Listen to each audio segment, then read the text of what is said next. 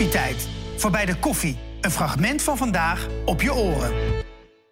Ja, hij heeft al 20 jaar een succesvolle carrière in de vechtsport... en is al 10 jaar de ongeslagen wereldkampioen kickboksen. Maar deze week is een andere grote droom van Rico Verhoeven uitgekomen. Hij speelt zijn eerste hoofdrol in de film Black Lotus. Afgelopen maandag dus die grote première. Hij was ook echt heel groot. was echt groot. Hoe, neem ons eens heel eventjes mee. Hoe heb je het beleefd? Was je nerveus überhaupt? Ja, uiteraard. Super nerveus. Ehm, ja, weet je, het is een, een droom die uitkomt. Hebben weer een droom die Ja. uitkomt. Los van, oké, de baas was, ik wil wereldkampioen kickboksen worden. En dan, oké, op een gegeven moment ga je verder dromen. En dan een project wat al zo lang loopt. En dan uiteindelijk sta je dan daar op de rode loper met de hele cast. En al je vrienden en familie die het Ja. gaan zien. Ja, spannend. Echt heel spannend. Vond je dat ook nog erg spannend? Juist omdat de familie het voor het eerst ging zien? Ja, zeker. Omdat zoiets ehm, komt zoveel meer aan op, op smaak. Ja. Snap je? Van oké, hoe gaan mensen het beleven? En eh, heel veel mensen die daar, die daar zijn, die kennen mij ook heel goed natuurlijk. Dus, en die gaan ineens niet naar Rico de Vechter kijken, zoals ze naar wedstrijden komen. Die kijken ineens naar Rico de, Ja. de acteur. Ja, Dus ja, dat was gewoon even anders. Dus ik was, ja, ik was heel benieuwd naar. Het is een internationale film. Hè? Ja. Eh, een groot gedeelte van deze film is ook opgenomen in Amsterdam. Ja. die Echt een vechtscène. Amerikaanse productie. Ja, heerlijk. Maar die vechtscènes lijkt me natuurlijk ook voor jou ook fantastisch om te doen. Ja, Dan kan je andere vak nog even erbij... eh, Dat zeker. Alleen eh, wa- wat, wat zo anders is, is dat je, je bent zo afhankelijk van je, je medespeler. Ja. Want als ik, natuurlijk nu, je raakt, je raakt niet. Je raakt niet natuurlijk. En als ik niet raak en jij reageert niet goed, ziet mijn stoot er niet echt uit. Nee, Snap je? Dus als jij goed reageert, dan lijkt het alsof ik heel hard sla, weet je wel? En dat, dat, is, dat is zo cool. Dus het is bijna, het is bijna een dans eigenlijk. ja, heerlijk. Een ander spannend moment na de première is natuurlijk de recensies. Die zijn Ja. binnengekomen. Hoe, eh, vond je dat spannend? Heb je daarna uitgekeken? Eh, ja, zeker. Zeker, omdat ik wil... Ik vind, het, ik vind het interessant en ik wil graag de meningen horen van de kenners. En Ja. wat, wat eigenlijk eh, een soort van grappig, maar ook een beetje apart is... Ik, ben ik, ik voel mezelf nog een, een amateur, maar ik speel ineens mee met het Nederlands elftal. Dus Ja, ik, word ja. Ook, ik word ook soort van eh, beoordeeld alsof ik een, Ja. een, een Van Persie of een Robben ben, weet je wel. Terwijl ik voor mijn gevoel nog niet helemaal ben. Dus ehm, ik word eigenlijk, de recensies worden natuurlijk gemaakt op echt hele grote films. Ja. Snap je? En daar word je mee, mee vergeleken. En daarom maak ik die vergelijking met het Nederlands elftal. En dat is, ja, dat is, dat is ehm, anders. En ja, de recensies zijn dan eh, scherp. En dat ze zeggen, oh, ik had meer dit verwacht, ik had meer dat verwacht. En ja, dat kan. Dat is een stukje, een stukje smaak ook. Maar dan, Ja, als ik dan in de bioscopen kom...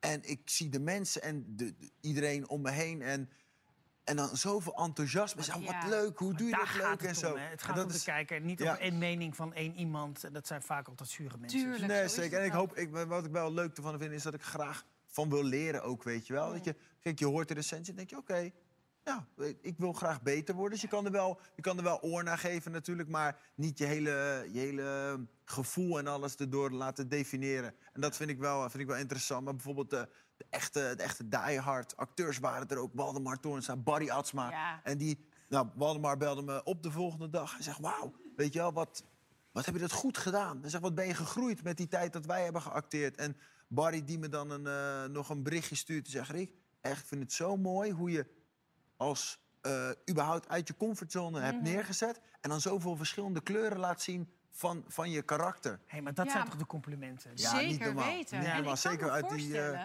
dat hetgeen wat jij hiervoor gedaan hebt... je was natuurlijk een hele kleine jongen... dat jij al meeging in de gym met je vader. Je hebt natuurlijk een ontzettende doorzettingsvermogen. Ja, ja, Anders word je nooit een topsporter. Heeft die, die inzet en die, het doorzettingsvermogen voor jou... heeft dat ook, ook geholpen in het acteren? Want ik kan me voorstellen dat je daar daardoor nog, misschien nog wel meer inbijt. Tuurlijk, tuurlijk. Kijk, het is dezelfde drive die je hebt als, eh, als, als topsporter... heb ik ook gebruikt in het stukje acteren. In stuntlessen, taallessen, acteerlessen. Omdat ik, ik wilde hier gewoon 100% voorbereid ingaan. En dan, tuurlijk, en iedere keer leer je weer opnieuw... en wil je graag beter worden. En dat heb ik nu nog steeds met als ik wedstrijden kijk. Ja. Ik denk van, waarom doe ik dat nou? Ja. En, zo, ja, en dan ga je weer terug, eh, zoals ik dat zeg, naar het tekenbord. En dan begin je weer opnieuw. En dan zeg je van, hé, hey, dat moeten we weer verbeteren. En dat is hetzelfde met dit. Maar ja, al- het goede zit ook altijd in de details. En dat Ja. weet jij natuurlijk ook als geen ander, want daar 100%. draait het om. Als je nu naar jezelf kijkt, want ik zat net, op, net even op je te letten... toen die fragmenten voorbij Ja. kwamen. Je zat helemaal zo weer te kijken, terwijl ik dat natuurlijk al lang gezien heb, die trailer. Ben jij kritisch op jezelf? Hoe kijk je naar jezelf op dat witte doek? Wat denk je ja, tuurlijk. Nee, als er één iemand kritisch is, dan ben ik het wel. En echt, eh, ja, misschien wel soms wel te kritisch. Ja? Ja, omdat...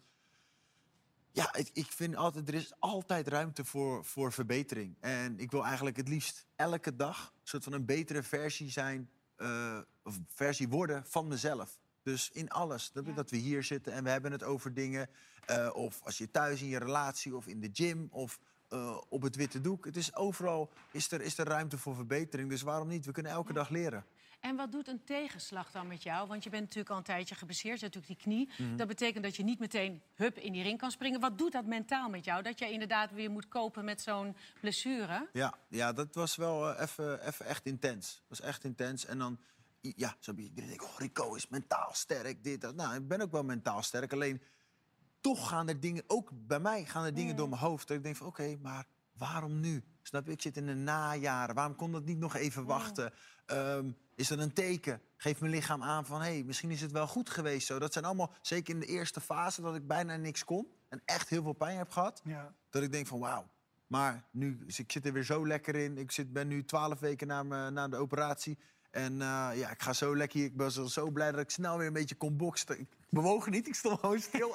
Maar ik was echt, echt super blij. Dus kleine stapjes, eh, zoals ik dat altijd noem, is de, ja, het opstapel-effect, zeg maar. De compound-effect is van kleine stapjes, kleine stapjes. En dan kom je ook bij je doel. Want wanneer ga je die ring weer in? Is, dat, is daar al iets eh? Nou, de bedoeling is wel echt oktober, november. Dat zou wel echt, eh, echt heel fijn zijn. Dus Ja. ja. ja, wat ik zeg, ik ben nu echt door, door de vervelendste periode heen. En we gaan nu weer echt opbouwen. Zoek je nog een, een goede sparringspartner? Ja, dus ik, ik, wilde eigenlijk, ik wilde eigenlijk buiten de show vragen. Maar dus, ja, ik weet dat je dadelijk meer tijd hebt. Na, na dat koffietijd dadelijk stopt. Dus het is wel...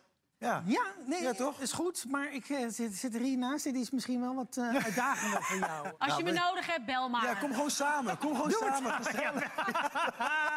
Heerlijk, man. Eh, afgelopen zondag zag ik je ook bij Humberto zitten. En toen had je al eh, een beetje gesproken over een eventueel een nieuwe acteur. Oh ja? Mag je daar al iets meer over zeggen? Nee, hè, zeker. Nee, het niet echt. zo Niet flauw. echt. Ja, ik nee. vind, ja, sorry. Ik Nee. vind, het, ik vind het ook echt jammer, maar ik ben zo excited om eigenlijk alles eruit te gooien. Maar het mag echt nog niet, dus ik moet het nog Nee. heel even voor me houden. Dus ik, maar ik hoop wel echt snel iets te, iets te kunnen vertellen. En het ook echt, echt een hele grote, grote productie. Dat wilde ik net vragen. Is het weer zo'n internationale productie? Dat mag je... Ja, Ja, ja, het is wel echt, Ja. echt, maar echt, echt heel Zou je groot. in Nederland hier Dus, nog eh, even een goede, leuke eh, comedy willen spelen? Of Ja, iets, zeker. eh, zeker. ja. Weet je, ik sta er ook echt voor open om verschillende kanten eigenlijk van mezelf te laten zien. Nou, zoals jullie weten, eh, voor de mensen die me volgen op social media, ik, ik neem mezelf niet al te serieus. Ik vind het leuk om, om, om de komische en de grappige kant te laten zien. Dus Ja. ja, waarom niet? Ja. Hey Rico, je hebt een fantastische debuutfilm, denk ik, Ja. gewoon te pakken. Je mag ontzettend trots zijn eh, op jezelf. Dank je en ik wel, ben dank heel erg benieuwd naar wat er nog allemaal meer gaat komen. Eh, Black Lotus draait dus nu in de bioscoop. En gaat het vooral eigenlijk er, eh, allemaal eh, zien. Dankjewel, Zeker Rico. weten. Dank jullie wel.